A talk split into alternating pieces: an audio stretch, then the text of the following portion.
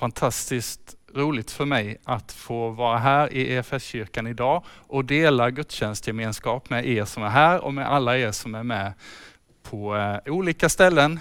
Gud är precis lika närvarande var du än är och när du än ser den här gudstjänsten och tar del i gudstjänstgemenskapen. Det tycker jag är helt fascinerande och något som man har återupptäckt i den här pandemitiden, att eh, Gud verkar där vi är, när vi än öppnar upp för honom. Så eh, sitt med ett öppet hjärta. Vi ska få fundera på hur vi kan fira påsk i pandemitider. Det är palmsöndagen, det inleder liksom påskveckan, stilla veckan. Och eh, idag temat är vägen till korset. Det var en dag, precis som andra dagar i Jerusalem inför påsk, när Jesus rider in där. Det var knökat med folk i Jerusalem vid den här tiden. Det var ingen eh, social distansering där, utan kommersen är tidigt i full gång. Slakterierna, tvätterierna, gatuförsäljarna, väverierna, frisörsalongerna på gatan, guldsmedsbutikerna, allting är igång och ruljansen, kommersen är fullt igång, full fart. Eh, och tänk på vägarna in mot stan, där tampas åsne och kameldrivarna om platsen och åkare med fullastade kärror är på väg in för att, att eh, förmedla sina varor. Herdarna försöker hålla koll på sina djur någorlunda samlade. Eh, det är mitt får där, det är min kamel där. Och kanske en sophämtare och någon handelsman och så en massa pilgrimer de strömmar dit inför påskhögtiden. Och jag tänker att man kan springa på både afrikaner och greker och ja, folk från alla möjliga håll och kanter i Jerusalem. Därför inför det judiska påskfirandet på Jesu tid så femdubblas befolkningen och det var uppemot tre miljoner människor som firar påsk i Jerusalem. Jerusalem ligger som en gryta mellan ett flertal kullar och det blir nästan som en, en, en tallrik där. Och på höjderna runt om och släntarna ner mot Jerusalem så är det en massa människor som slår läger över helgen. Eftersom det ryms inte i staden. Så där är väldigt många människor, proppfullt. Kanske svårt för oss i pandemitider att förstå när vi håller på med fysisk distansering och restriktioner, att föreställa oss hur det är när det är knökat med människor. Det var så länge sedan vi ens upplevde det. På tempelplatsen så köps och säljs det och prutas. Nästa helg ska de slakta uppemot 18 000 lamm, så det är mycket på gång här. Så var det i Jerusalem. Det var ett påskfirande ungefär som alla andra. Men så denna dag så kommer Jesus till staden. Han kommer med någonting som ingen av de andra handelsmännen eller försäljarna har att erbjuda. Den här dagen och de följande i veckan kommer att förändra världen och förändra historien. När allt såg ut att vara precis som vanligt så händer det. Jag tänker att det tål att tänkas på och reflekteras över. Det är lätt att glömma bort att när Guds tid kommer, när han, hans handlande sker, då, då kan det ske plötsligt, oväntat och kanske på ett sätt som många inte anat eller förväntat sig. Plötsligt så finns Jesus där. Den här dagen i Jerusalem så sker det lite grann med, med buller och bång att Jesus kommer. Jesus han har skapat alla jordens åsnor. Och nu så har han behov av en, så han ber om att få låna en av dem. Det var viktigt för honom. Och han sätter sig på åsnan och rider in i staden. Det, det är annorlunda. Det sker oväntat, men ändå kanske inte helt oväntat för, för många hade väntat. Profetierna talar ju om det, att så skulle Messias komma som kung till Sions berg. Se din konung kommer till dig ridande på en åsna, en ung åsnehingst profeterar Gamla testamentets profeter. Och Jesus uppfyller de profetiorna. Han, han kommer så som profeten sagt. Och folket på något sätt vaknar till liv. Det här hade de hört om ända sedan barnsben många, att Messias skulle komma. Är det det som sker? Någon börjar ropa Hosianna, andra hakar på Hosianna, Davids son.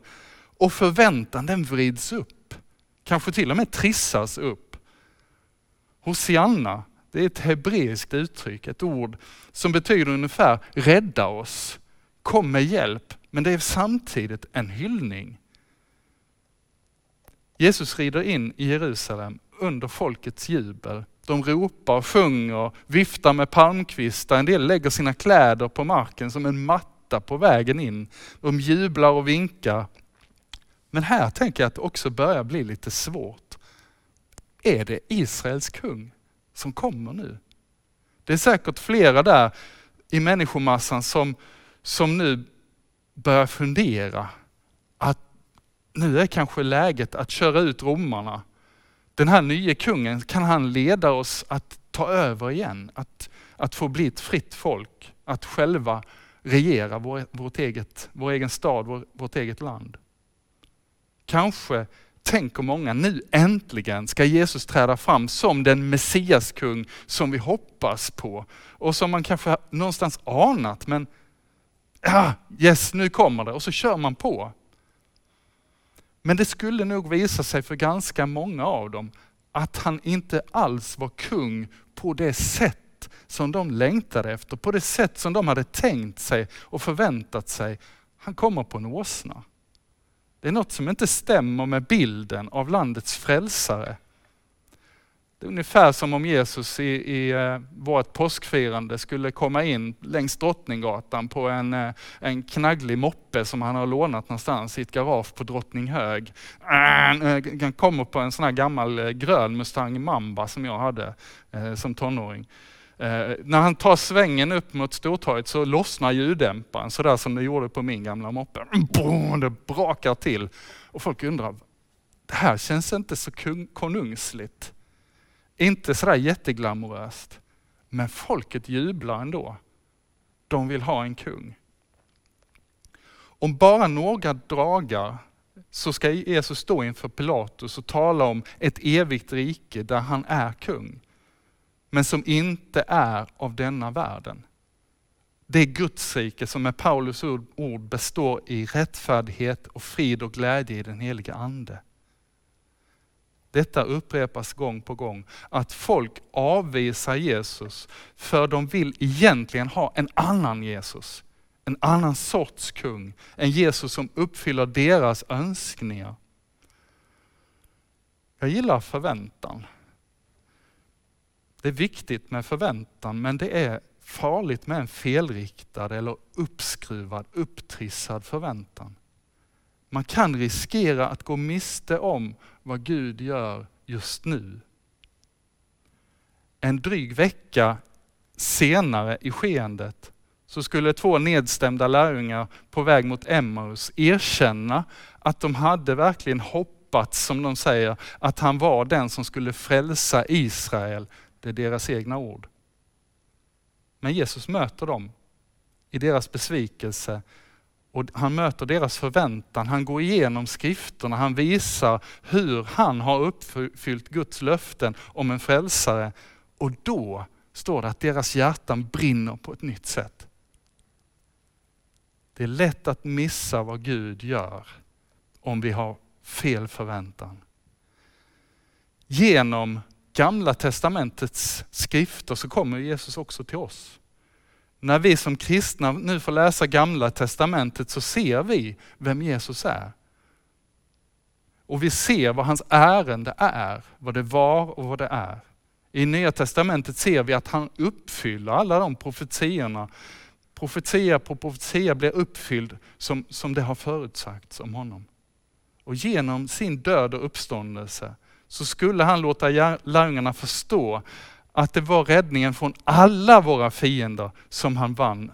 Det var den räddningen, det var den frälsningen, att det som såg ut som ett nederlag blir en frälsningsgärning. Stilla veckan. Vägen till korset, det är genom lidande som Jesus gick in och besegrade de fiender som vi annars, utan detta, inte ens kunde drömma om att befrias från. Mitt i det vanliga kom Jesus, men sen blev ju ingenting som vanligt igen för de som gick honom till mötes och sen följde honom hela vägen till korset. Vart är vi på väg? På spåret-säsongen eh, är ju över. Jag tänker att korset kom inte som någon överraskning för Jesus. Det var centrum redan från början i Guds plan för skapelsen. Så jag tror Jesus, han drog på 10 poäng. Han visste vart han är på väg. Han visste hela tiden. Han var fullständigt klar över sin unika väg. Han säger så här i Markus 10, vers 33, 34. Vi går nu upp till Jerusalem. Människosonen ska utlämnas åt översteprästerna och de skriftlärda och de ska döma honom till döden och utlämna honom åt hedningarna som ska göra narr av honom och spotta på honom, prygla honom och döda honom. Och efter tre dagar skall han uppstå. Det är svaret på 10 poäng. Jesus visste exakt vad som väntar honom denna veckan. Bibeln berättar att Jesus var frestad och prövad på alla sätt. Och hans vägval att gå till korset gång på gång ifrågasätts det och prövas det. Han avstod från allt vi måste ha med oss den, den bilden av vem det är som, som går in i detta. Det är han som ägde allt. Han var jämlik med Gud. Han avstod allt det. Blev en människa, en tjänare som inte ägde något. Och gång på gång frestas han att välja en annan väg. Du kan bli, bli en stor ledare utan att avstå från allt. Du kan bli en stor ledare utan något offer. Var Messias utan kors. Det finns en mindre kostsam väg. Gång på gång frestas Jesus att ta vägen förbi korset. I öknen möter han djävulen själv som säger kasta dig ner från muren så kommer änglarna att skydda dig. Du ska inte lida. Du behöver inte det. Jesus berättar vid ett tillfälle för lärjungarna om hans kallelse att lida och dö. Då säger hans närmsta vän Petrus att att det inte är nödvändigt att välja vägen genom lidande.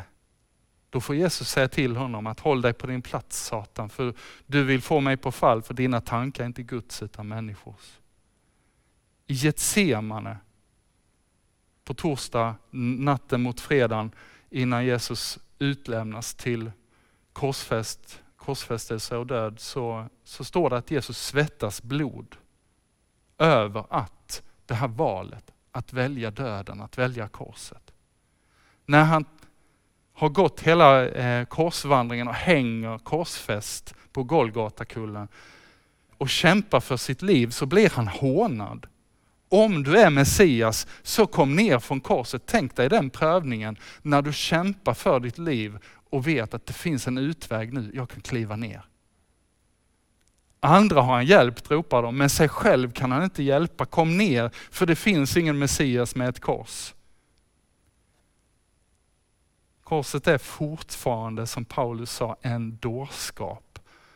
Det är ett oerhört störigt budskap vi har som kristna.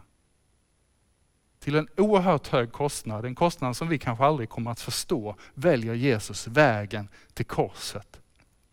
Därför att han älskar oss så. Jesus kommer inte färdigvaccinerad med full skyddsutrustning. Han går rakt in utan någon skyddsutrustning och något vaccin. Han tar på sig alla människors mörker, tar på sig all vår synd, all vår skuld, all sjukdom, all skam på sig själv. Och han tar straffet, väljer att gå in under det för att tömma bägaren till sista droppen. Han går till korset. Och han gör det helt för oss. Jag tror att ganska många uppfattar kristen tro som kravfylld. Att det, det är så mycket man måste leva upp till som kristen. Kanske också vi som kristna luras att tro att det är så. Men att leva som kristen, det är inte att leva ett kravmärkt liv. Det är inte att den här produkten lever upp till alla de etiska och moraliska kraven. Det är ingen av oss som gör det. påsken öppnar den här vägen till ett gravmärkt liv istället för ett kravmärkt. Ett gravmärkt liv. Ja, en liten spoiler alert här nu inför påsken. Kristen tro börjar med en tom grav. Han är inte kvar där. En livslevande Jesus möter oss på påskdagen som andas på sina lärjungar och säger ta emot. Det är det här jag kom för. Det är det här livet jag vill ge er. Det är frihet. Det är han som säger kom och följ mig. Jag har kommit för att ni ska ha liv och liv i överflöd. Det börjar med ett ja, någon som vill ha det som Jesus har vunnit. Kanske jag som vill, du som vill få del av det. Och ditt ja kan öppna vägen för dig. Att Jesus väljer vägen till korset innebär att om du säger ja, jag vill följa dig, så är det vägen till livet för dig och för mig. Vårat Hosianna-rop, vårat ja vi hyllar dig men vi behöver också din hjälp. Det kan förändra allt. Ditt ärliga Hosianna som tar emot Jesus. Vi blir aldrig färdiga med det. Fortsätt med ditt Hosianna. Fortsätt säga, jag vill ta emot dig Jesus. Jag behöver dig idag. Fortsätt välkomna honom in i ditt liv. Välkomna Jesus in i dina omständigheter, kanske in i de omöjligheter, de svårigheter du möter just nu. Därför att det kan förändra allt. Den här veckan, stilla veckan, som förändrade världen, vi får fira den på nytt. Hur kan vi fira påsk pandemins år 2021? Hosianna, kom Jesus. Vi behöver dig och vi hyllar dig för att du valde vägen till korset, till döden. Du öppnar vägen för oss genom döden till livet.